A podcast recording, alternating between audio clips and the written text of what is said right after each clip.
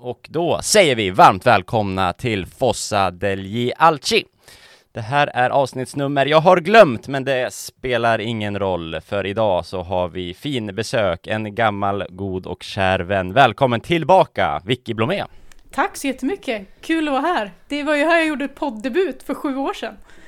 Ja, och, och, och vilken eh, resa det har varit sedan dess. Ja, herregud, vad, vad händer? Allting började i älgen. Ja, men precis. Det, ni ska ju ha cred för det här liksom. Så är det ah, det vet det fan. Du, eh, hur är läget? Det är bra, det är bra. Det är fullt upp. Jag håller på att förbereda mig för lite studiosändning imorgon och kommenterar Milan på måndag. Eh, så att eh, det är full fart. Mm. Eh, med oss på eh, längre söderut i landet, Andreas Persson med Ronaldinho-tröja liggande bakom dig i sändningen här. Jaha, det är inte, det är inte placerat. Den ligger alltid där? Den ligger alltid där faktiskt. Ja. Hur mår du? Eh, väldigt bra. Eh, vill redan nu med mina första ord eh, flagga för att jag kommer vara väldigt eh, optimistisk i den här podden. Eh, så att det kanske inte är förvånande för de som har varit med sedan Vicky med gästande tidigare, för då har jag varit det. Men de som eh, liksom halvnya lyssnare som har förknippat mig med pessimism och negativitet i samband med Maldini, de kommer, och ledning och sådär. De kan bli lite förvånande. Andreas ska omvända er alla. eh, vi kör intromelodi, sen har vi lite härliga nyheter.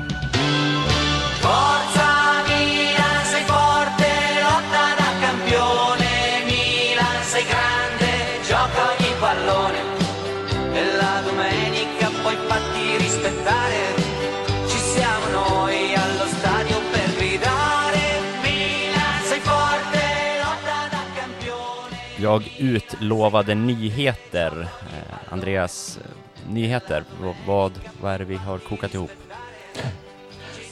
Det, skulle ju du ta, ja. men okej. Det var någon slags eh, eh månadsmagasin kan man väl eh, eh, likställa det med. Eh, avsnitt där vi eh, antingen har gäster som är då och eller då tar upp ämnen där vi har liksom förberett oss lite och har kvar Eh, Eh, så man kan väl säga de andra avsnitten, de gamla avsnitten, så som det vi kommer fortsätta med som någon slags eh, veckotidning eller dagstidning. Där vi reagerar och har åsikter på det som händer. Men det här är att vi läser på om någonting eller har gäster och, och diskuterar ämnen som kanske ibland är lite mer tidlösa. Eh, ni kommer kunna särskilja dem i ert poddflöde. Vi tänker döpa månadsmagasinen utifrån vilken månad det är, föga förvånande. Så det här blir då september Eh, avsnittet eh, som ni kommer finna i eran poddspelare. Och gör ni inte det redan så prenumerera gärna eh, i Spotify eller Acast eller i Podcaster eller var ni nu lyssnar så gör det. Det är kul. Sen tänkte vi också så här, vi har sett att pengar är ju en grej man kan tjäna på poddar. då ska man gärna ha så här, sponsorer och grejer. och vi hade ju en sponsor en gång i tiden för fem sex år sedan. men så här, Patreon finns också någonting som heter, men det är relativt omständigt för en podd i den här storleken tänker vi. Men ifall ni lyssnar, gillar det ni hör och eh, vill eh, ge lite kärlek, lite stöttning så kan man göra det via Swish numera. Eh, valfri summa, allt från en till en miljon uppskattas. Eh, och de här pengarna ska initialt gå till en ny mikrofon till Andreas Persson. Eh, så Andreas, vilket nummer är det man ska swisha? Jag fattar inte varför du sätter ett maxtak på. Okay. Nej. Nej, men eh, det är till 0733 911016. Och för er som inte hade papper och penna så skriver vi upp det i avsnittsbeskrivningen också, så det ska finnas där ni lyssnar på podden. Det kan vi göra. Det, det, var, ju faktiskt, det var ju faktiskt så när vi började, eh, lite så jag tänker att eh, när vi återstartade så var det ju en del som faktiskt eh, kontaktade oss och ville ge pengar. Eh, så då kändes det rimligt att öppna upp för den här möjligheten nu när vi eh, förbereder oss lite mer, och lägger lite mer tid. Vi kan vara värda ibland. 0733 911016. Bra, då har vi lagt eh, formalia i, i ryggsäcken och eh, börjar det här septemberavsnittet alltså. Och jag tänkte att vi skulle inleda med att prata lite Mercato. Och Andreas, du uttryckte att du ville eh, summera lite kort innan vi spelar in Vicky. Eh, precis, eh, fönstret är ju inte klart och eh, vi vill väl fokusera på eh, andra saker på det, i det här avsnittet eh, som är mer intressant att ta upp. Men eh, några korta punkter är väl att eh, eh, jag har ju varit kritisk, väldigt kritisk till det här med Rebic, André Silva-grejen. Att man inte hade någon fast klausul och att det att vi då riskerade att höja värdet på Rebic väldigt mycket som vi sen behövde betala själv. Ehm, och det tycker jag fortfarande det är liksom en kritik som var rimlig att ha då för att det bygger fortfarande på, på eh, motparten i diskussionen. Men eh, det man kan konstatera är att eh, om det stämmer, jag vet inte om ni har hört någonting annat, men det verkar ju som att man Rebic kommer gratis och André Silva får 9 miljoner går till, till Frankfurt. Stämmer de siffrorna så är det ju en genial affär skulle jag säga.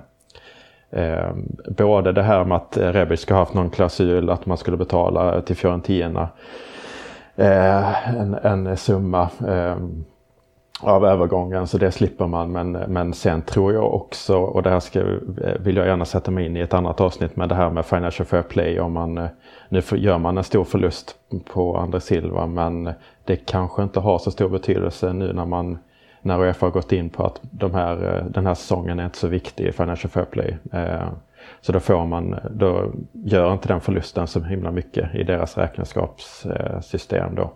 Medan eh, vi får Rebic gratis och sen skulle han eventuellt säljas i framtiden så kommer vi bara göra vinst från noll euro till, till försäljningssiffran. Så att det är en jättebra affär. Nej, jag har ju också bara hört eh, samma siffror som dig. Så att jag, jag håller med att det är en, att det är en jättebra bra deal och att det löste sig att, eh, att han blir liksom permanent i Milan. Så att, eh, ja, jag kan bara hålla med, med om det, att, att det löste sig på ett väldigt smidigt sätt. Och jag håller med om kritiken innan också, att eh, det, det fanns ju risk att det skulle kunna blivit mycket krångligare det här. Eh, sen får man förlusten på André Silva så här, det är ju som det är och Financial Fair Play, eh, det blir intressant att se hur det blir nästa år eftersom att det här året ska Frågan är om det kommer räknas bort eller om det slås ihop med nästa. Det är väl det som pratas om, att det ska slås ihop. Och, och då får man väl se nästa år hur man ska lyckas liksom balansera det då. Men eh, ja, det är inte så mycket att göra. Man får en bra spelare i Reberts permanent och man blir av med en spelare som är oönskad. Så att, eh, jättebra. Eh, absolut, och, och sen eh, kan man liksom jobba på det här sättet så tycker jag det finns en annan, alltså det är någon slags, man jobbar ju med typ heder, muntliga överenskommelser och sånt där och det är ju väldigt fint i sig. Alltså om man ska prata om Los Stilo Milan och, och hela den biten så det är också någonting som eh, Maldini ska ha eh, all cred för. Eh, som har fallit väldigt väl ut både i, i Tonali och Rebic. Eh, är ju samma typ av, av upplägg egentligen. Eh, Sen tror jag väl i och för sig att eh, man kan tyvärr bli rätt rejält bränd av en, en eh, Furbo sportchef eller agent. Eh, Raiola till exempel. Men eh, vi får ju såklart hoppas att det löser sig med Donnarumma till exempel. Men eh, man ska inte liksom måla fan på väggen och så vidare. Eh, men, eh, Nej, det... alltså den är ju lite läskig. Jag tycker ändå det kring, kring Donnarumma, för jag litar inte riktigt på, på Raiola här. Så att den känns lite jobbig. Det är väl liksom det som oroar lite. Att um, om, man skulle, om han skulle lämna nästa år och få noll, liksom, det är ett totalt misslyckande på alla sätt. Så att det, är, det är väl det som oroar. Det är jag helt med på. Man kan inte lita på han. En orm, det är en orm. Mm. Fler Mercato-tankar Andreas? Eh, nej, men det är väl i, i stort sett det. Delar den oron. Det är alltså lite som orutinerade spelare. Att de är ojämna i, i början och sånt där. Så är jag ju lite bekymrad över att den här ledningen kanske gör något grovt misstag. Liksom. Så. Men än så länge den här säsongen så har det varit väldigt imponerande vad man har, har åstadkommit. Och agerat på ett sätt som känns väldigt värdigt eh, Milan. Jag tycker Maldini har hanterat media bra också. Så att, eh, bra start. Eh, som sagt, vi är mitt i Mercaton här Vicky, men eh, om du får summera så långt de rödsvarta, vad de har gjort hittills, vad vi har gjort hittills, vad, vad tänker du då?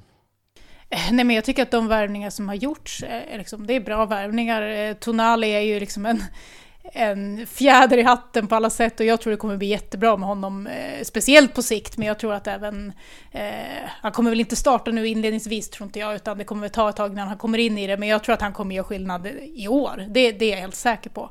Eh, så det är, och just dealen, det är liksom en låg summa, jag förväntade mig att Tonali skulle gå för mycket mer pengar. Eh, så att en jättebra deal. Eh, Brahim Diaz, eh, han eh, har inte jag sett så mycket spela. Eh, jag vet inte så mycket om honom heller. Eh, så att han är lite upp till bevis tycker jag. Eh, vad han kan liksom uträtta och Pioli sa ju det och varit tydlig med att han behöver liksom tid för att anpassa sig till Italien och, och allt vad det är. Så att där får vi väl se lite var det landar men det är ju ja, det är en li, lite mer av en chansning men ändå intressant. Men det är just på den här högerkanten som, som det ser tunt ut, både offensivt och på ytterbacksposition. Så att där är jag lite oroad, det är jag. Eh, Kalulu som har kommit in, det är ju en ung lovande spelare men det är ingen som ska eh, ska starta. Eh, och Conti skadad, Calabria tycker jag inte riktigt håller. Så att ja, en, en högerback skulle ju behövas. Eh, Vet vi om, om Kalulu, får han spela med Primavera? Jag har inte riktigt satt mig in i hur gammal är han? Jo, men han... Nolla, nolla, ja, ja, han är väl... Jag tror han är 00, nu blir jag osäker. Men jag tror han är 00, så det, det får han. Eh, mm. men... Eh, eller det... Ja.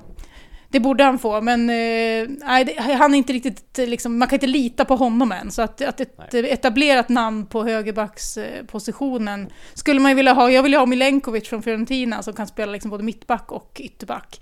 Och kan vrida lite i den där backlinjen liksom, och gå över till en treback när man ska anfalla och då kan man kliva in lite mer i banan. Så han skulle jag vilja ha och Milan verkar ju vilja ha honom men det verkar vara svårt att få loss honom. Eh, så vi får se lite där.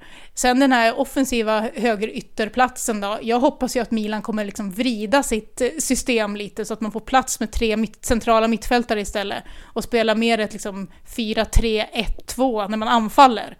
Eh, utan liksom att frångå de, ja, de grunderna som Pioli har i sitt system, men att eh, liksom Eh, fila lite på det så man kan spela på två sätt beroende på form och eh, ja, vilka som är friska och, och vilka man möter och så vidare. Så att eh, det kanske kan vara så att man kan eh, spela med Chalanoglu i en trekvartista roll och så en Rebic, eh, Zlatan längst fram och så har man de här tre mittfältarna eh, som är liksom en grunduppställning. Sen, sen om eh, Brahim Diaz gör det bra då kanske han ska spela där ute och man får skifta lite. Men eh, Ja, det är högerkanten som, som oroar och sen eh, som Andreas har varit inne på den här forwardsreserven. Eh, nu är det prat om att det är Colombo som ska vara det och det, är, det, det, tycker jag känns alldeles för tunt. Alltså visst, Rebic kan spela där men det är ju inte liksom det man önskar helst. Men det är svårt att hitta en reserv som är tillräckligt bra men ändå ska vara en reserv. Det är liksom det är fler klubbar det är svårt. Tittar man så i Real Madrid, det är liksom lite samma där. Då ska man ha, Benzema ska spela, men då ska man ha en riktigt bra bakom, men som ska sitta på... Ja, det, det är en svår, Tottenham har svårt samma också. Ja, nej men det är svårt att lösa när man har en tydlig etta liksom. Vem ska vara där? Men jag tror att man måste ha något bättre än Colombo, det, det är absolut min, min känsla. Milan, Milan, corre va, più nessun ti fermerà. Milan, Milan, il mondo intero puoi conquistar. Ska vi försöka glida över mot den största profilvärvningen eh, hittills den här sommaren och förmodligen genom hela sommaren. Eh, Sandro Tonali, eh, som ju kommer från Brescia. Eh, han kommer, som vi var inne på, på en ganska bra deal med lån initialt och en relativt låg utköpspeng. Eh, men Andreas och jag, vi pratade här innan vi satte på eh, mickarna och började spela in det är väldigt, väldigt många Milanisti som är lyriska och som är liksom wow, vilken värvning vi har gjort. Men frågan är hur många matcher man faktiskt har satt, sett med, med Tonali. Jag kan ju bara gå till mig själv. Alltså jag har sett när Milan har mött Brescia och kanske mm. två, max tre matcher till. Mm. För jag mm. konsumerar inte jättemycket Serie A. Nej. Längre, eh, när det inte är Milan. Eh, så, så jag är jätteglad, men jag kan, jag vet inte jag, tror att det, jag tror att det är många, så, alltså precis som du säger, som liksom är glada för att han är hypad, men som inte har sett han liksom så mycket. Eh, alltså jag har ju sett han mycket förra året, eh, och eh, jag tycker man, man pratar ju mycket om att det är liksom det nya Pirlo, och jag tycker verkligen att det är så man ska beskriva honom. Många vill liksom prata om att han har så mycket annat än vad Pirlo hade. Men jag är inte riktigt liksom med på det ändå. Eh, han är ju lite mer liksom kraftfull och lite mer dynamisk än vad Pirlo var, men jag tycker inte han använder det så mycket i sitt spel. Alltså det är en, när man tittar på han, liksom, hur han rör sig och hur han spelar så tycker jag att det är väldigt lik Pirlo. Det är många All... de har, det är liksom, det är många de sagt så här, det där är nya Pirlo, men jag har aldrig sett någon som är så lik som, som Tonali faktiskt är. Eh, sen är han liksom skicklig med att han driver boll snabbt och tar fram bollen i banan, men det var ju faktiskt Pirlo också. Man glömmer liksom det för man tittar på slutet av hans karriär, men han var ju väldigt bra på att driva boll eh, också, speciellt liksom i sina yngre år. Så att eh, jag tycker att liksom Pirlo-jämförelsen, den är, den är verkligen vettig, tycker jag. Eh, hur mycket har du sett eh, Tonali, Andreas? Eh, mer än dig, mindre än Vicke tror jag. Men eh, ja, jag, eh, jag köper helt eh, det hon säger. Ehm, jag, jag, gillar ju så här liksom att han tar nummer åtta och jämför sig med Gattuso för jag ser ändå lite det här andra ehm, eh, förutom det Pirlo har. Eh, men sen är de ju oerhört lika annars, alltså att de kommer upp i bräscha utseendemässigt jättelika. Mm. Liksom det här trötta utseendet. Alltså det är väldigt mycket som påminner om varandra.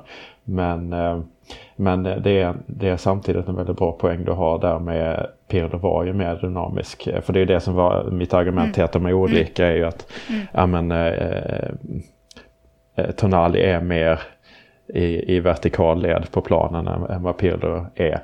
Och så var det ju med Pirlo i slutet. Men, eh, mm. men eh, jag kollade på, eh, på Champions League-finalen mot Juventus 2003 samtidigt som Tonali var framme.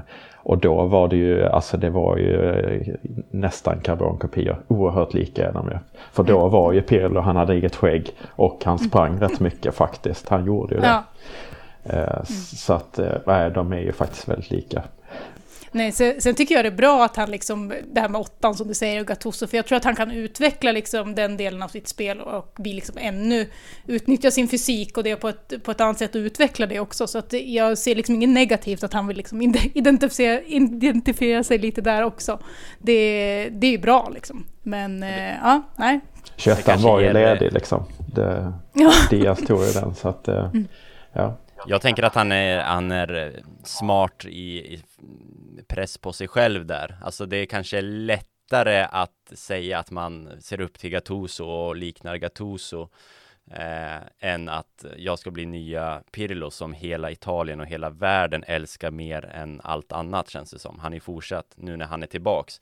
Jag ser inte fram emot det här Pirlo kärlek, alltså ja, det, det, är ett annat avsnitt kanske, men det här eh, och han sitter på en vingård och han har ett vackert skägg och hela den biten. Ja, den är man Man är ju lite Eller trött på den. den. Ja, nej, men jag, jag, håller med, jag håller med dig. Eh, nej, men det, så jag tror också det är smart. Och sen, alltså nu, jag älskar ju Pirlo fortfarande, men jag vet att många milanister inte har, är så förtjusta i Pirlo längre efter allt som hände. Så att eh, han kanske är lite smart där också. Gattuso är ju liksom en, en Milan-ikon som alla gillar. Eh, mm. Pirlo delar ju faktiskt supporterskaran ganska rejält tror jag.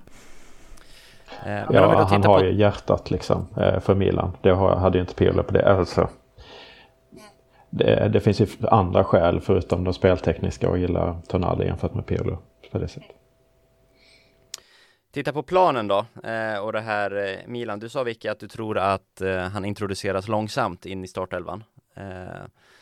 Är det ditt önsketänkande att det ska vara en, en tremannamittfält eller eh, vem går han in annars med och ersätter på tvåmannamittfältet tror du? Eh, alltså det, det, är det här som är svårt att veta. Jag tycker det blir spännande att se hur, det, hur Pioli hanterar det också. För alltså inledningsvis så tror jag att, att han kommer liksom bytas in i de första liksom två, tre matcherna kanske. Men sen om han, om han är i 100% fysisk form, då, då måste han ju välja. Och eh, Alltså som fotbollsspelare i stort håller jag Tonali och Benazer liksom högre än Kessie för att, och för att jag gillar den spelartypen mer, men Kessie behövs ju på det där mittfältet. Eh, så att, jag vet inte. Det ska bli spännande att se hur Pioli, liksom, hur Pioli gör. Eh, och eh, alltså i träningsmatchen har vi ju spelat ett 4-2-3-1, så det är liksom egentligen inget som tyder på att han vill ha tre centrala mittfältare, även om jag hoppas på det. Eh, så nej, jag, jag är lika frågande till liksom hur det är tänkt. Eh, det är klart, han har ju sagt Pioli att han vill ha 18 startspelare och det är ju liksom en, en bra tanke men frågan är om någon av de där tre liksom kan man ha dem på bänken? Funkar det liksom ens? Eh, och eh, Tonali kan ju röra sig högre upp i banan, det kan han ju. Han behöver inte bara liksom vara en sittande regista och hämta boll. Men det måste ju liksom bli en kombination där med Benazer om, om båda ska spela ihop. Eh, då måste någon gå framåt i banan. Eh, så att, det, det blir eh, jättespännande att se. Och Pioli liksom, han är en trygg ledare och det känns som han har koll. Han är bra på att hantera gruppen och spelarna så att eh, han löser nog det. Men rent ja, uppställningsmässigt så har han lite att fundera på. Det har han. Andreas? Eh, jag, jag, är helt enig i det. Det intressanta blir ju eh, dessutom om man eh, som vi väntas komplettera med ytterligare centrala mittfältare av hög klass. Då blir det ytterligare pikant det här med tre centrala mittfältare. Men det, det är intressant det här med vad man ska ha för förväntningar på honom. Är han, ska han gå in och vara, för jag kanske inte ser Tonali som huvudanledningen till att Milan kommer att prestera bättre i år. Eh, så. Men jag tror absolut att han kommer tillföra saker. Eh, men det är, det är ju framförallt på sikt. Eh, förmodligen mycket den här säsongen också. Men eh, jag tror inte man ska förvänta sig att han går in och det har du, som du sa också, att han inte går in från start och tokdominerar direkt. Det är ju ändå ett rätt stort steg från, från Brescia till Milan får man säga. Ehm, jag, jag, jag, tycker också det är intressant vad man har för förväntningar också. Eh, vi slängde ut frågan på Twitter som jag lyfte sist. När värvade vi en sån här spelare senast? Eh, och, och eh, då fick vi en hel del svar, vissa oseriösa som David som svar Montari. Eh, Mastor kom där också. Eh, Pato kom från, från dig då, Vicky. Eh, eh, Gilardino, Bonucci. Eh, ja, det, Gilardino är ju riktigt länge sedan. Mm. Det är det verkligen. Jag, jag, Balotelli. Jag, tyck, Ja, jag tyckte liksom, jag tyckte liksom Pato var lite samma känsla, så nu är det länge sedan så jag kommer inte exakt ihåg, men han var också liksom hypad och så här, nu ska vi värva liksom en nästa storspelare och ja, man hade ju inte sett honom lika mycket såklart, men det var ju liksom första matchen satt man ju där och liksom väntade, vad är det här för någon? Kommer han så vinna skytteligan i år? Det var ju riktigt så här, sån känsla när han, när han anlände. Vi hoppas inte Tonali går liksom samma väg som Pato. Då har vi honom i Kina om sju år. Nej, fy fan, det vill vi inte ha. Nej. Nej. Usch. Mm. Någon kvinnlig i ledningen som är tillsammans med honom. Äh, men det, finns det, det någon ens? Det, nej, det finns inte det. Jag tror det bara är gubbar. så det är lugnt. Ja. ja, man kanske inte ska vara så... Ehm, för, ja. Man kan ju ha andra läggningar, man ska inte förutsätta ja, men... sis och allting sånt där. Eh, eh, men eh, jag, vill ändå lyfta Bonucci som vår kollega Kerim tog upp. Jag tycker att det är det bästa valet faktiskt och då behöver vi inte gå tillbaka så länge. Och det jag var ute efter var liksom den här high, eller så här, hur åtråvärd en spelare är för att här var det liksom verkligen, men de stora klubbarna vill ju ha Tonali men vi tog honom och det är fan inte vanligt att, att Milan gör så. Sen eh, finns det likheter i de affärerna också att vi fick ju eh, väldigt stor hjälp av ehm, eh, här i Tonali så är det hans Milan-hjärta som, och, och en välvillig eh, Brescia, president Cellino som, som gjorde att, vi, att Tonali kom till oss. Det, det var inte bara våra egna meriter och så var det med, med Bonucci också att han eh, hade ju kunnat gå till City och, och, och säkert Spanien och spanska storklubbarna också. Jag kommer inte ihåg vilka rykten det var men Guardiola var ju het på honom i alla fall. Men där var det väl hans eh, sons eh, sjukdomstillstånd som gjorde att han ville vara kvar i Italien. Som, som gjorde att man tog honom. Men där lite samma tycker jag. Så det var bra inspel med, med Bonucci som inte nämndes i förra avsnittet. Säg inte det till Kerin bara då. Nej. Växer huvudet. Vi får se om han lyssnar. Eh, har, ni, har ni eh, uppmärksammat den här eh, ursprungsklubben Tonali kommer ifrån? Eh, nej. Nej. Jag har bara fattat att det är någon Milan-koppling, att de spelade i ah, rödsvart. Okay. Men jag har inte riktigt fattat exakt, så du får gärna dra det. Ja, men han är en eh, väldigt eh, lokal kille. Han har spelat i typ i Lombardiet hela eh, tiden då, alltså regionen som Eh, Eh, Milano ligger i. Eh, och eh, med typ så menar jag att han var i en, en kort session i Piacenza som ligger liksom precis på gränsen till, till Lombardiet på andra sidan floden Po, får man in lite geografi, som, som då gör gränsen till Emilia-Romagna. Men eh, det har kommit upp en del virala bilder på honom när han står i de här rödsvarta eh, dräkterna. När han är en liten, eh, liten unge då. Eh, och det är att han spelar i sin eh, ursprungsklubb eh, ASD Sant'Angelo 1907. Eller om vill ha sett det. Eh, och eh, eh, nu har jag ju sagt att han spelat i Lombardiet hela tiden så då tänker ni såklart att det är Sant'Angelo eh, Lomelina som ligger i, i Lombardiet. Eh, men det är det inte utan det är Sant'Angelo Lodigano som också ligger i Lombardiet. Eh, eh, men eh, de har rödsvarta färger då och det är för att de har en tydlig koppling till Milan. Som du var inne på David. Men det finns också två Milan-profiler som har en stark koppling till den här klubben. Då har ni inte hört det om ni inte sa någonting annat. Men det är alltså en av våra snyggaste spelare som kommit upp ur vår ungdomsakademi. Och en som eh, var snygg för sin ålder och jämförelse med den han jobbar med kan man säga. Nej, det är svårt att gissa. Alltså, det, det, här är ju, det här är ju nästan When We Were Kings, Erik Niva. Nu, nu är du Niva och jag och Vicky är Håkan. Vi bara, fan. Det är så två snygga! Ja. Det är det liksom ja. är... Nej, men det är Alessandro Matti föddes i Sant'Angelo Lodigano. Eh, så han är därifrån också. Och eh, mm. Ariedo Braida spelade i klubben eh, det sista han gjorde innan han la skorna på hyllan på 80-talet. Eh, som sen blev sportchef då under Galliani och Berlusconi. Och du menar att, eh, att Braida är snyggare än Galliani då? Eller? Det får man väl ändå tillstå eller? Ja, ja det, det, kan vi väl säga. Ja, det, jo, jo, jo, alltså jag säger inte emot. Jag menade bara ja. för att bena ut vad du menade. Alltså, det Han var... hade ju Berlu där också. Berlu är en riktig skönhetsknutte. Ja. Ja. Många operationer på honom. Att... Ja. men, ja, nej men Matri, där, där är ju inget snack. Det är liksom, det är ju är väl den kanske den snyggaste. Nej men det är, det är tuff konkurrens i Milan, det måste vi ändå säga. Ja. Eller var. Inte, Tonali fyller ju inte de skorna. Eh, jag fick eh, från min sambo som jobbar inom tandvården att jäklar, vi, eller var Kerin som introducerade först, att han, Tonali har minimala tänder. Och jag visade upp bilden från, för min sambo och hon bara ja det är ett solklart fall av tandgnissling där. så han kanske ligger och är nervös här inför eh, inför ja, Milan-debuten. Mm. Det är något vi ska komma ihåg då.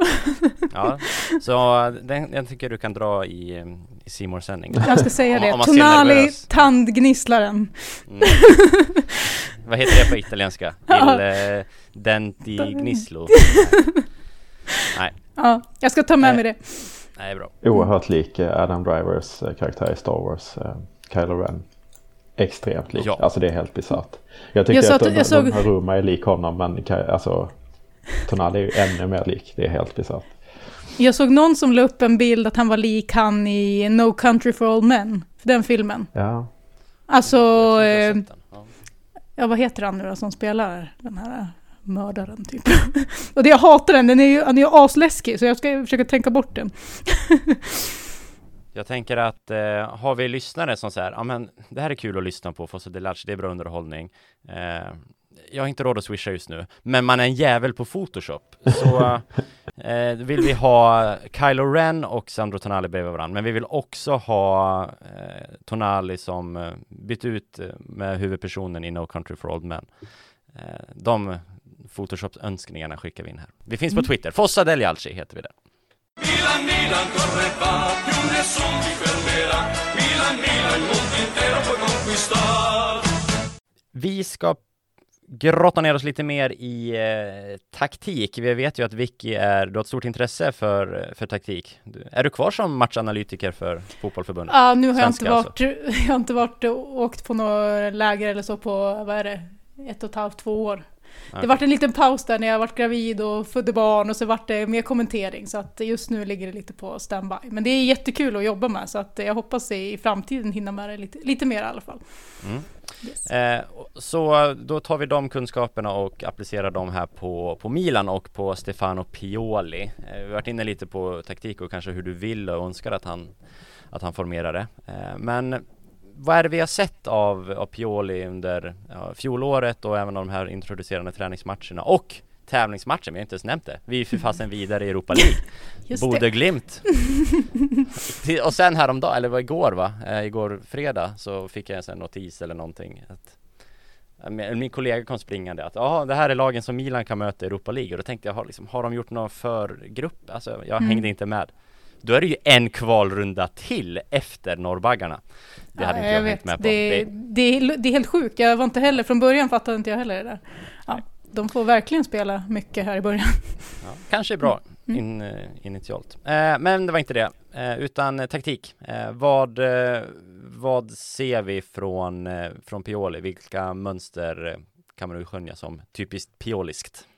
men jag tycker först och främst så måste man koppla det till liksom det mentala och det psykiska och tron på det som han, som han och Zlatan liksom tillsammans skapade. Eh, att man fick ett större självförtroende och vågade mer. Alltså, det är liksom grunden för, för att det har blivit bättre tycker jag. Eh, man lyckas liksom spela eh, upp från sin backlinje uppåt och där tycker jag att Benazer blev nyckeln som klarar av att liksom hämta boll i pressade lägen och slå liksom en lite svårare passning uppåt i banan som liksom slår ut motståndarnas mittfält. Man liksom spelar sig förbi på ett sätt som man inte gjorde tidigare. Och det är en kombination av ett självförtroende men också en, en tydlighet, att Pioli liksom är mer tydlig med vilka roller han vill ha från, från spelarna. Eh, och att Benazer utvecklades tyckte jag också, att han liksom tog sig an den rollen på ett bra sätt. Så att liksom i uppbyggnadsfasen tycker jag att man hittade nycklar där och att man kunde slå en längre boll på, på Zlatan som kunde få, få fast den. Så att där löste man lite av det problem, problemen. Sen tycker jag, alltså i det stora hela, att de, Milan springer mer, eh, man kommer närmare varandra i anfallsspelet, man kan hitta kombinationer eh, och man springer mer utan boll och man hittar passningar på, på, motstånd, eh, på medspelare i, i fart. Eh, I början av säsongen var det liksom handbollsanfall. Eh, eh jag kommer ihåg matchen mot eh, Hellas Verona borta tror jag det var. Liksom det, det, var bara sidled, sidled, ingen rörelse in i boxen, inga djupledslöpningar och, och det vart ju liksom stor skillnad eh, under våren och, och sommaren. så att det är liksom inga rena liksom, taktiska innovationer direkt, utan han har fått Milan att löpa mer, tro lite mer på det och sen eh, ja, lite tydligare roller. Eh, och just liksom i, i anfallsspelet där eh, när Calhanoglu, Zlatan och Rebic kommer ganska nära varandra och Rebic kan löpa in bakom Zlatan och så, då, då har man hittat lösningar i sista tredjedelen också.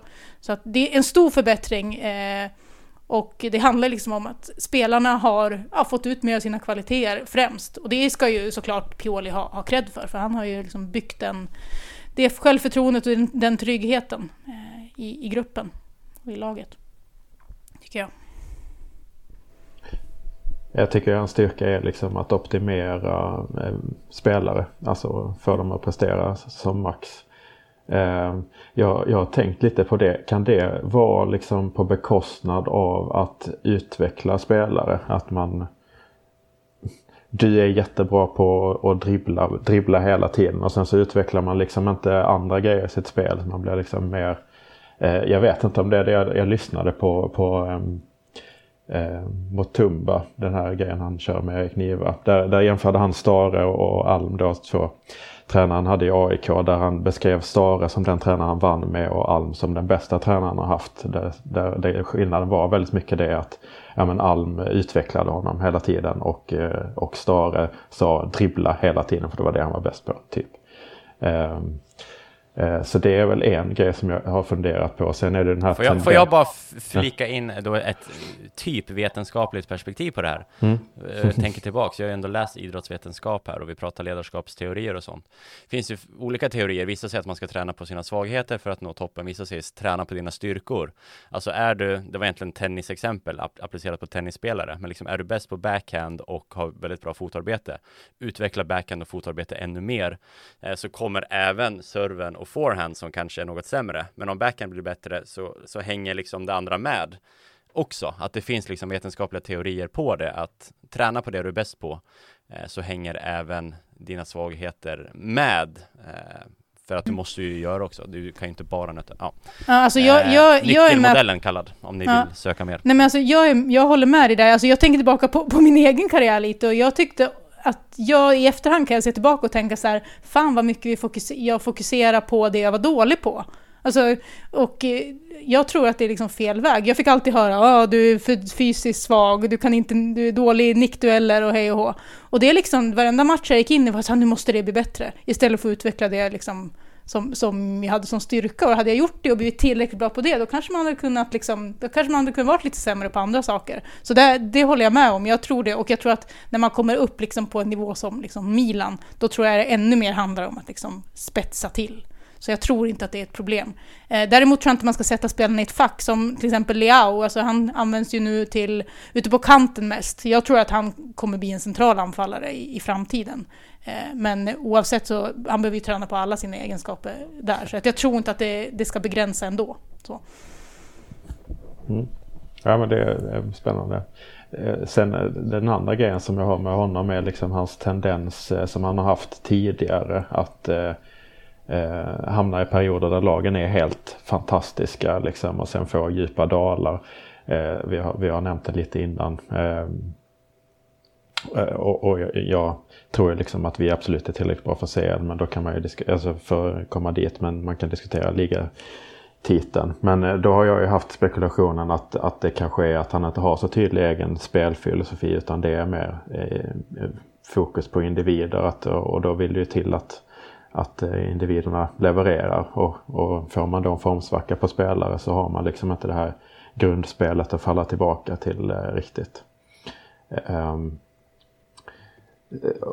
Sen kan man, eh, sen, sen kan man tänka liksom, ja då kanske det kommer det komma dippar i år. För det här är ju det bästa laget tycker jag absolut som Pioli har haft. Eh, Inter och Lazio som han haft till, till trots tidigare så tycker jag att det här är bättre och vi har garantier på Zlatan eh, som, som, eh, som upprätthåller en viss nivå och sådär. Så att eh, eh det, det, är också en, en spännande eh, grej att ha koll på inför den här säsongen tycker jag rent taktiskt så är det en sak som stör mig väldigt mycket så jag, så jag vill höra vad du har att säga om det. Och det är att eh, jag vill ju ha Zlatan i straffområdet oftare. Eh, alltså eh, min bild är att han har liksom varit kolossal där inne. Alltså eh, närmast oslagbar. Alltså det finns typ ingen som är så. Eh, men han letar ju väldigt ofta när jag ser till, eh, längre ner i banan, söker kombinationsspel som kanske inte har varit jättelyckade ändå i jämförelse med, med andra spelare som har varit bättre på det. Eh, eh, är det liksom ett direktiv från Pioli? Jag tycker att det är väldigt svårt att tro det. Eller är det liksom Zlatan som vill det? Och det, mm. det kan man, man kan ju förstå det. Alltså han är ju en mycket mer komplett spelare än att bara stå eh, som, som ett eh, skithus i boxen. Liksom. Han har ju teknik, speluppfattning och, och sådär. Liksom. Så, så jag Nej, fattar jag, att, ja. jag, jag, jag, jag, tror ju att det är ganska mycket hans egna initiativ också, precis som du säger. Alltså, han har ju alltid gjort så på, på ett visst sätt, men spelar han liksom en, en ensam anfallare där så, så blir det ju liksom, det blir tomt ibland. Eh, så jag tycker, jag tycker absolut han måste hitta en balans när han kan gå ner och göra det där och när han ska hålla sig kvar i straffområdet. För att eh, ibland är det bra liksom. Det, det behövs att öppna den där ytan så att det kan, någon annan kanske kan löpa in. Eh, och, och liksom hota där inne. Men i många fall så, så håller jag med dig. Alltså han, han ska ju främst vara inne i straffområdet. Han ska vara på liksom mittbackarna och eh, liksom trycka ner mittbackarna, skapa yta för sig själv och kunna liksom vinna boll där och få ner boll. Kliva fram och liksom få bollen på fötterna i ytan mellan eh, backlinje och mittfält. Och, och, sen, och därifrån slå liksom en avgörande passning. Men jag tycker inte han ska ner på mittfältet och försöka hitta en avgörande passning utan de ska liksom komma från ja, längre fram i banan. Där får han gärna eh, agera framspelare men eh, hålla sig högt upp fortfarande. Så, så jag håller med dig, absolut. Och det tycker jag Rebic är en supernyckel för jag tycker inte att exempelvis som vi såg mot Shamrock Rovers med Castillejo och eh, skoförsäljaren eh, eller vad han nu heter så så var det ingen, de är inte riktigt lika som bra på Rebic att komma in i boxen och de är ganska klena när de väl är i boxen. Det är två spaghetti killar så ja, där blir ju Rebic superkey. Eh, Leao har potential, men jag tycker inte han är tillräckligt bra än så länge på just den biten. Nej, han är inte lika, han är inte lika distinkt och alltså, Rebic kommer ju liksom in med kraft och, och liksom tydlighet när han löper in i boxen på ett annat sätt. Milan, Milan, corre va, più nessun ti fermerà. Milan, Milan, il mondo intero puoi conquistar. Vi bad ju om lite lyssnarfrågor och det ramlade in ett gäng. Eh, vi ska plocka upp några utav dem och det var inte de, de lättaste frågorna som vi fick på Twitter. Eh, Filip Sundgren eh, ställer ju ett gäng grymma frågor. Eh, en utav dem handlade om Financial Fair Play. Eh, handlar egentligen om hur ligger Milan egentligen till kring Financial Fair Play och hur påverkas man av det här coronaåret egentligen? Han tittar exempelvis på Chelsea som eh, ser ut att gasa bara för att komma ikapp på, på grund av att Uefa släpper lite under det här året. Eh, du var inne kort på det där Vicky, eh, och jag vet inte om det finns så mycket mer att tillägga eh, i nuläget. Nej men jag, som jag har förstått det så, så, så slår man antingen ihop det här året och nästa. Eh, så man har liksom till nästa år på sig att balansera böckerna eller hur man ska uttrycka sig. Eh, eller så kommer det liksom, räknas det bort, men det har jag svårt att se ändå att de gör. Men räknas det bort så är det klart att man borde investera allt vad man kan här och nu. Eh, men jag tror att det blir någon slags liksom, ihopslag nästa år, men kanske med, ja, det är kanske lite mildare att de inte går på lika hårt då, under nästa år. Så det återstår ju lite att se, men ehm, Nej, det, det, det är inget som förra året, liksom, inget Europa League. Det är inget snack om det här i år, utan i år är alla tillåtna att vara med i Europaspelet oavsett. Jag, jag har också nämnt det innan eh, i något avsnitt att jag tycker att eh, man borde gasa eh, utifrån de här förutsättningarna. Men det är det jag vill liksom vill ta upp det i ett nytt månadsmagasin där jag, där jag satt in mig i det mer. Men det känns ju som att det är läge nu på samma sätt som att företag förvärvar och, och liksom, alltså det finns ju många som är svaga och behov av pengar. Eh, så har man pengar.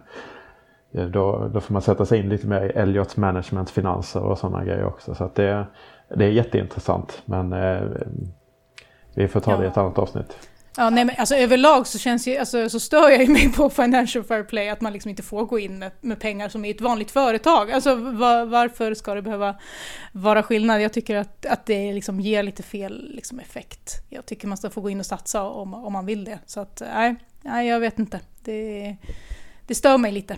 Det stör mig väldigt mycket också. Det, det finns ju bra grejer med det. Alltså, när det ja. infördes så var det ju bedrövlig ekonomi och man har ju satt liksom vissa grejer som har gjort att klubbar måste sköta sin ekonomi, liksom inte vara liksom helt åt helvete. Men, men eh, det finns ju, alltså hela den här grejen med City till exempel. Ja men vill folk betala, alltså det var väl att de ville ha, alltså deras sponsorer betala för mycket tyckte Uefa. Men vem bedömer det? Alltså vill de betala det så, så vill, är, de, är det uppenbarligen ett rätt pris. Så att det blir ju väldigt konstig diskussion och samtidigt som Uefa då får pengar från ett eh, Gazprom och sådana företag. Vad har de för intresse? Alltså det, det finns många frågor där att ställa tycker jag. Ja, nej, verkligen. Men det, det blir ett långt avsnitt. Det, det får ni ta sen. mm. eh, bara på ekonomi, så jag, jag kollar lite så övergångssummor och sånt på toppklubbarna. Eh, och enligt Transfermarkt så just nu bara in och ut, bortsett från löner, så, så har Milan 18 miljoner in, 38 miljoner ut. Eh, den här sommaren enligt Transfermarkt. Eh, med Susus eh, affär ju som den stora ut. Så Milan är ju på bara inköps och ja, summorna 20 miljoner plus mm. hittills. Så ja, Ja, det borde, det borde komma någon, någon mer värvning innan Mercaton är slut. Det, det, tror jag att det gör. Så att det, finns, det verkar ju finnas ut, utrymme redan, redan nu och vill man satsa så liksom. Ja, nej, det behövs den där höga kanten måste de lägga lite pengar på. Eh, hoppas du är nöjd med det svaret Filip, men vi som sagt, vi har målet att fördjupa oss ytterligare i ekonomi. Eh, Filip har en till fråga, han pratar lite om eh, damlaget. Eh, om det blir en nystart på Vismara efter att Monza gick upp och Galliani kickade ut oss från Brianteo. Eh, eller hur är satsningen egentligen kring damerna? Vi har inte tid att fördjupa oss i damlaget i det här avsnittet heller. Nej, Kanske också ett senare månadsavsnitt. Mm. Mm, eh, men lite så kort om din syn på damlaget, det du vet. Nej men alltså nu, nu går man in i sin, vad blir det, sin tredje säsong här. Eh, och eh, man ligger trea, eh, man är obesegrad här första, jag vet inte, har man spelat tre matcher tror jag, de har hunnit med. Så att eh, de är ju topplag och var, förra säsongen då blev man ju trea fast säsongen inte spelades klart. Man hade ju chansen att ta en andra plats och då hade man ju fått spela Champions League då men fick nöja sig med tredjeplatsen då. Så att det är ju, Juve är ju starkast eh, och sen är det ju Milan, Fiorentina främst där bakom som liksom är de som hotar mest. Eh, så att, eh, och Milan köpte ju liksom ett redan starkt eh, Brescia. Alltså de var ju liksom ett topplag och köpte hela det laget. Sen har det ju byggts om eh, nu under de här två åren sedan, sedan det liksom hamnade i Milan. Eh, men eh, jag vet inte egentligen hur, hur liksom stor satsningen är. Det är klart att det har blivit bättre och att liksom spelarna har fått bättre förutsättningar men äh, jag är osäker på liksom hur mycket de tjänar och var de liksom ligger i, i, i den. Jag, jag, tycker överlag att de här storklubbarna, det är bra att de har skaffat damlag men jag tycker överlag att de skulle kunna ja, ge lite mer liksom, förutsättningar för, för dem också. Eh, men jag tycker Milan, det går åt rätt håll, det gör det. Och eh, de landslagsspelarna man har, de tror jag ändå liksom Eh, tjänar på, på en okej okay nivå, eh, om man ska titta där. Och det är ju alltså, Valentina Giacinti, det är ju stjärnan i Milans damlag. Eh, Eh, en riktig så italiensk bomber, eh, vann skytteligan här för två säsonger sedan och eh, landslagsspelare. Alltså hon är ju liksom, det är den man eh, ska ha koll på mest. Eh, så att, eh, och henne ska man följa på så sociala medier och så också, hon är härlig. Tycker jag. Det är det, det hon är den enda, jag kanske följer en annan Milan-spelare men annars är den enda jag följer. Jag tycker hon är mm. suverän. Ja, nej, hon är jättehärlig. Superperson verkar hon vara och ja, en riktigt bra anfallare.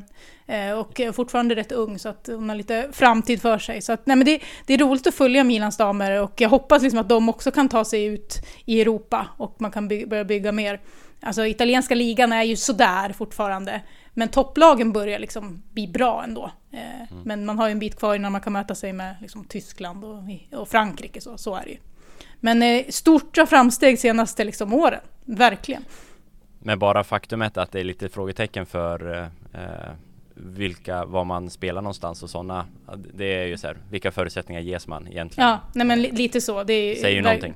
Verkligen. Det är, det är ju bra att, jag tycker det är bra att de framhäver dem ganska mycket tycker jag ändå i sociala medier, att liksom man får utrymme det där. Det har de blivit bättre och bättre på, för det är viktigt. Alltså man kan tycka att det bara, vad är det? Men det är verkligen viktigt för att liksom skapa intresse kring det.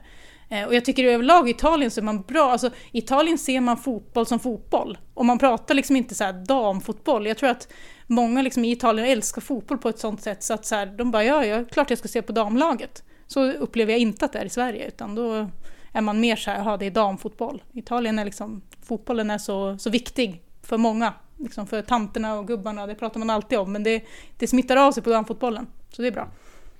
Ja, damlandslaget går ner på knä och det blir krig. Zlatan går ner på knä, knä. ingen nämner någonting. i Sverige. Precis. precis. Vilket han gjorde mot inför irländarna. Ja, mm. eh, fler lyssnarfrågor. Eh, så har vi en från Juni Aziz Yüksel som undrar, eller önskar att vi ska prata lite om primaveran. Eh, och det tänker jag nästan svara direkt att eh, det kommer vi inte göra idag. för det, vi fick den för dryg, frågan kom för tio timmar sedan. Mm. och det kan ju bero på att vi ställde, bad om frågor lite för sent, men mm. vi har inte hunnit läsa på om om primaveran helt mm. enkelt. Mm. Det man kan säga är väl att de är uppe igen i högsta primavera-divisionen. De åkte ju ur här och så förra säsongen var de ju i liksom andra divisionen för Primavera, men nu är man uppe i högsta igen. Så det är, ju, det är ju positivt i alla fall. Eh, får vi se. Är eh, Gans, fort, nej Gans i damlaget? Ja, precis. Ja, vem precis. är tränare för Primavera? Ja, du, det vet jag faktiskt inte, tänkte jag säga. Nej, pottkanten. Ja. Hamnar vi på där. Så kan det vara. det kanske vill bli ett annat avsnitt, eh, mm. Joni. Men, eh, den sista lyssnarfrågan vi har fått är handlar om, eh, från Jesper Rossoneri kallar han sig på Twitter och han undrar till vilka egentligen, Milans placering nästa säsong. Och det för oss osökt in på det vi ska runda av det här avsnittet med. Eh, nämligen toppstrid som vi väl ändå får tro att Milan hamnar i, någon form av toppstrid eller en, en topp 7-strid i alla fall. Eh, vi tittar lite på topp, toppkonkurrenterna. Eh, och du twittrade i morse, den mm. är ju alltid, man vet, då är säsongen nära när Vicky Blomé twittrar ut sitt säsongstipp på eh, 20 mm. tweets. Ja men det är ju det, det tar en stund att göra den där ska jag säga. Jag satt hela kvällen igår och försökte få ihop den där. men det är roligt, det är kul att gå, liksom, gå igenom alla lag också. Liksom, slänga ut någonting, sen är det inte alltid man har rätt. Men ja, nej men som sagt jag, jag tippar Milan på en fjärde plats. Eh, alltså topp fyra är ju målet och jag, jag, tror man precis klarar det. Eh, jag ser eh, Juventus och Inter tycker jag är liksom en klass över de andra. Jag tror att det kommer vara så. Eh, sen tror jag fortsatt att, att Atalanta är bra. Alltså då, tittar man på truppen så och hur spelarna har varit och jag ser liksom ingen anledning till att tro att de ska börja underprestera nu. Så att Atalanta tror... har ju bara sålt en eh, reserv. Ja men precis. För massa, för massa för, pengar. Ja men verkligen. Så att det är liksom, jag ser ingen anledning till varför de ska liksom tappa helt plötsligt. Jag tror inte det. Ja, lite trötthet, lite mätta kanske då, men nej. De har ändå för, förnyat en del i truppen och så, så jag tror inte det. Eh, och sen bakom där så tycker jag att det liksom är ganska jämnt. Napoli, Milan, Lazio, alltså det är jämnt. Eh, och det kommer nog liksom vara tufft om, tajt om de eh, platserna, det, det, tror jag. Men jag tycker att Milans liksom spets är lite starkare än de andra. Jag tycker det. Eh, Napoli kanske har bättre bredd, men nej, Milans spets tror jag tar dem liksom framför.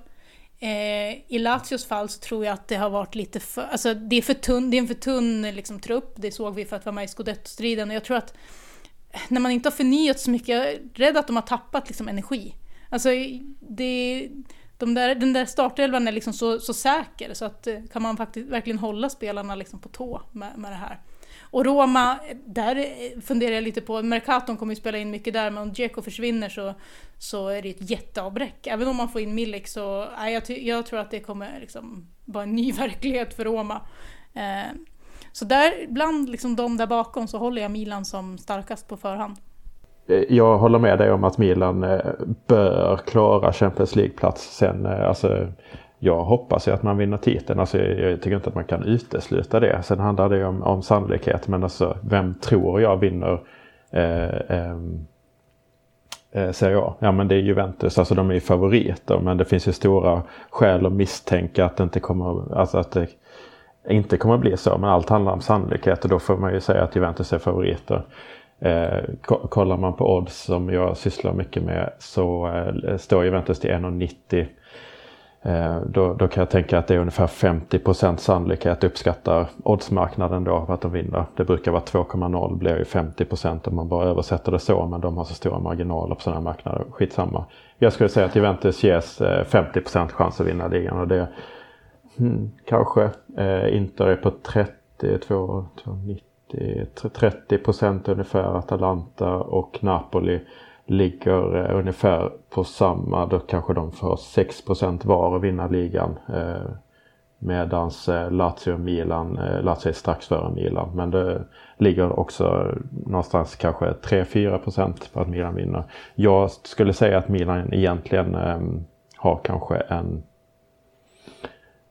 7-8 eh, chans att vinna ligan och det tycker jag ändå är, alltså det är ändå 7-8 procent, alltså man kan ju inte liksom räkna bort det. Så att eh, som supporter så hoppas jag absolut att man vinner ligan. Kollar man sen på, på eh, och klara Champions League så är det faktiskt favorit på att Milan hamnar utanför topp 4. Alltså det är mer sannolikt att Milan inte hamnar i Champions League. Vilket jag inte håller med om. Jag tycker att Milan bör vara favoriter så att eh, båda de har jag spelat. Och, men eh, men eh, ska man gå igenom lagen i sig så vi har ju varit inne på Juventus tidigare att det är en jättechansning med, med Pirlo liksom. Eh, jag, jag, jag, tycker att eh, alltså, är han en smart, liksom boken talar emot det, vad har han för karaktär, ledarskap? Det finns så många frågetecken kring, kring eh, honom. Eh, men det som talar emot min kritik där, eller min tanke där, är ju att det är så många spelare som har hyllat honom eh, och tränare som har hyllat honom ehm, reservation. Jag har inte läst de här intervjuerna, alltså ursprungsintervjuerna i sig. Det skulle kunna vara så som det är i Italien att eh, man, man liksom, journalisten har så här jättelång tes som den tycker och sen så säger spelaren bara ja, typ. Och så, så blir hela citatet så jättelångt. Ja men Pirlo kommer eh, vinna för att han har det här och det här och det här. Men, eh, men eh, det, det är ju en chansning liksom. Alltså Pippo Inzaghi gör ju det jättebra i Benevento nu. Men han var ju inte tillräckligt bra för Milan i början. Så även om han har potential som Pirlo kanske har så kanske han inte är där än liksom. Eh, men, men de har bäst lag, de ska gälla som favoriter. Men det är inte omöjligt att vi hamnar före dem. Men det, det, det är ju sannolikast att, att eh, mest sannolikt att Juventus vinner. Alltså det är ju mer öppet än på många år, alltså så är det ju. Alltså, visst, jag håller också Juventus som, som vinnare, jag tror det, men alltså, den risken som de har tagit, alltså, det skulle ju kunna gå, gå mycket sämre. Alltså, absolut. Och i Inters fall, ja, de har en jättestark startelva, de har en, en tränare som liksom är skicklig, men vi vet ju också hur det har stormat där kring Conte, det kan gå helt fel och ja, Eh, så att det, det, är inte omöjligt, det, det, det, är jag helt med på. Även om jag inte, inte tror att Milan vinner titeln så, som du säger, det, det kan, det kan gå. Och det skulle kunna vara Atalanta också. Liksom. Det, det, blir, det blir spännande att liksom följa. I, i Pirlos fall, alltså jag är, så, jag är fortfarande så förvånad att de valde honom. Liksom. Och han, kan ha bra, han kan ha bra idéer, han kan prata hur mycket han vill om hur man ska spela, men att få ut det på plan, det är något annat. Alltså, vi såg ju Sarri misslyckas liksom med det han, han är ju en rutinerad tränare. Eh, och jag tycker inte heller att Pirlo känns som liksom en auktoritär liksom, ledare på det sättet, inte naturligt i alla fall. Eh, jag tror att han är liksom en, en skön kille i omklädningsrummet var när han spelar och liksom, det upplever man ju när man läser boken att han var liksom en skojare. Eh, och han ledde ju sitt lag på planen med sitt spel och satte tempot och liksom så. Men han är inte den här naturliga ledaren som man liksom tänker kring Buffon, Chiellini. Så att se Pirlo sätta ner foten i det där omklädningsrummet, jag har, jag har svårt liksom att, att se det framför mig. Så att det är, nej, jag är fundersam och liksom att en, jag, jag tycker att det är helt galet att man Alltså det säger rätt mycket om ens självförtroende om man kliver på ett sånt jobb med sex dagars tränarerfarenhet. Liksom. Men eh, ja, vi, vi får väl se. Eh, det, det, som sagt, hans assistenter blir jätteviktiga. För att liksom, han, har, han har hållit sex stycken träningar hela sitt liv. Alltså det, det, det är helt galet när man säger eh, liksom, nej, det.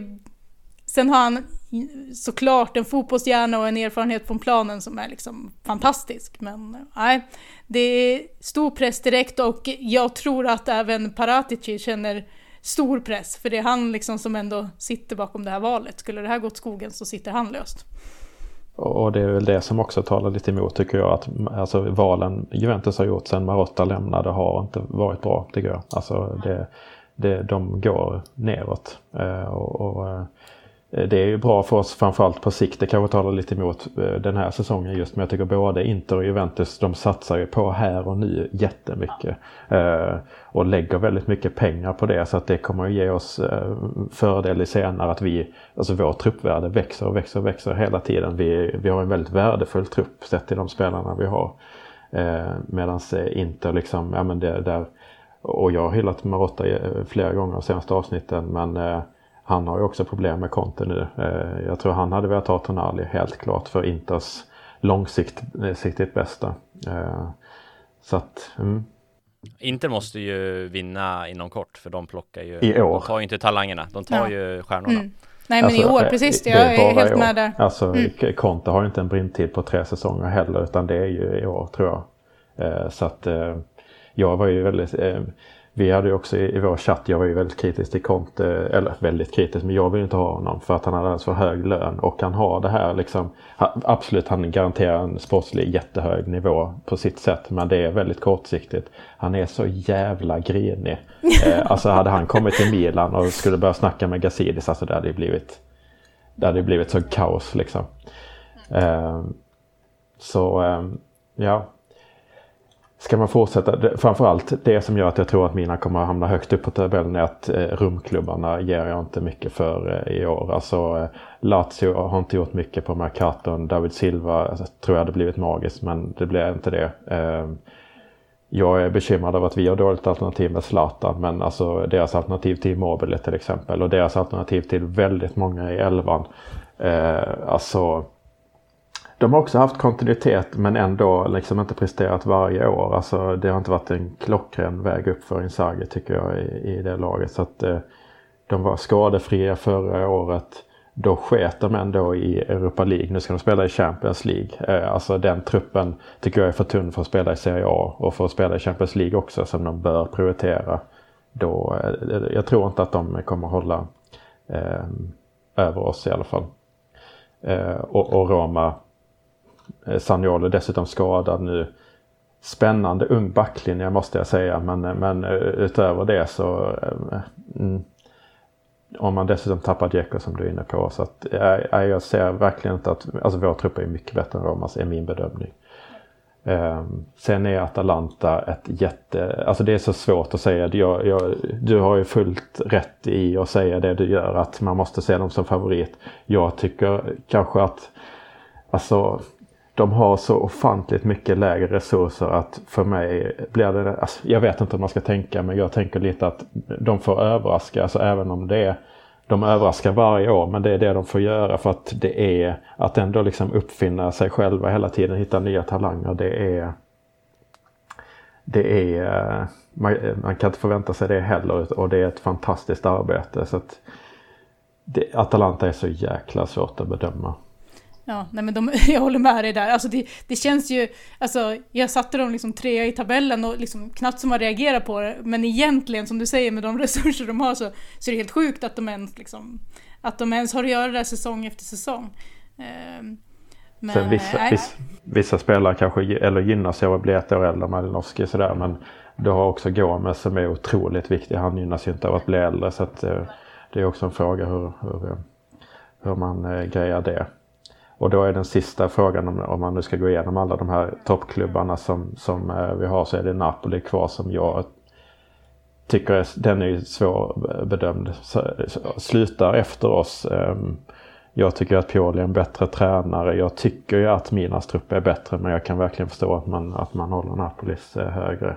Eh, men jag tycker att den här Osemien som jag inte har någon koll alls på, han måste vara otroligt bra för att berättiga att Napoli är favoriter ovanför oss då.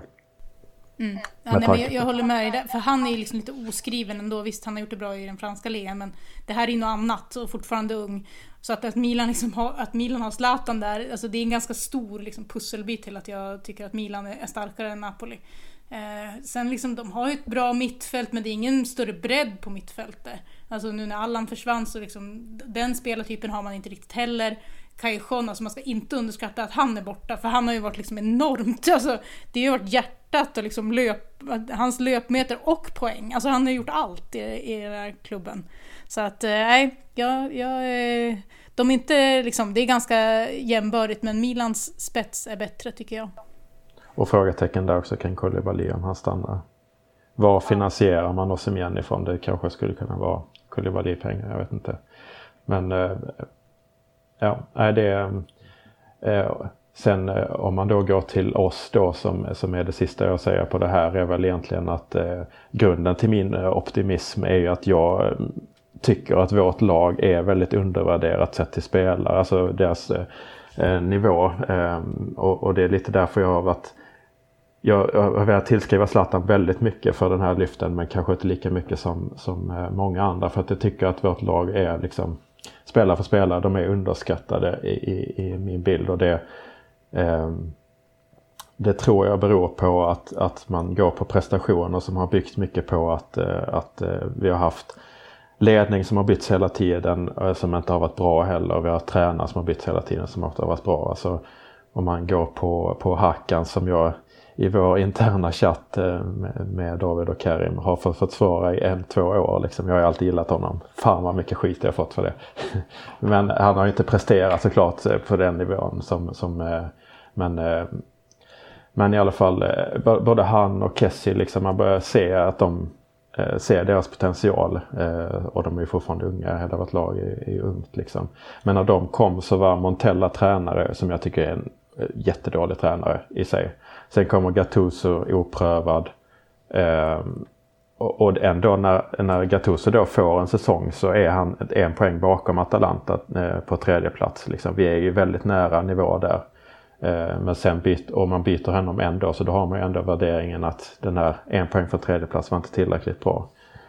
Eh, så att, eh, och sen kom då haveriet med, med Gianpaolo då och nu har vi vår, vår första beprövad tränare liksom. Eh, Ehm, som, som på väldigt länge. Så, så att jag tycker att eh, det finns skäl att tro att, att man eh, undervärderar våra spelare.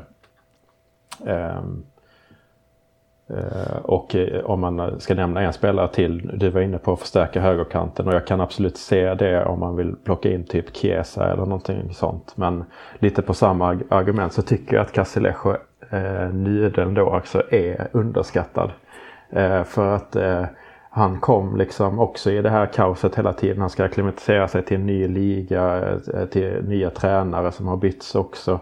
Eh, fick liksom olika roller. Han fick spela lite centralt under Jan Paolo och sånt där. Men, eh, och, och, och stor del så var han ju bakom Suso också som var självskriven på sin position. Så att det är först nu han har fått riktigt chansen på, på sin position och då har han ju varit jättebra. innan han blev lite skadad och sånt där. Så att jag, jag tycker att förstär, ska man förstärka där så ska det vara med riktig, riktig kvalitet. Mm. Ja, bredd behövs ju inte på högerkanten utan det är spets. Jag, det håller jag helt med om. Hoppas att du är nöjd med det svaret Jesper. Det var ganska matigt.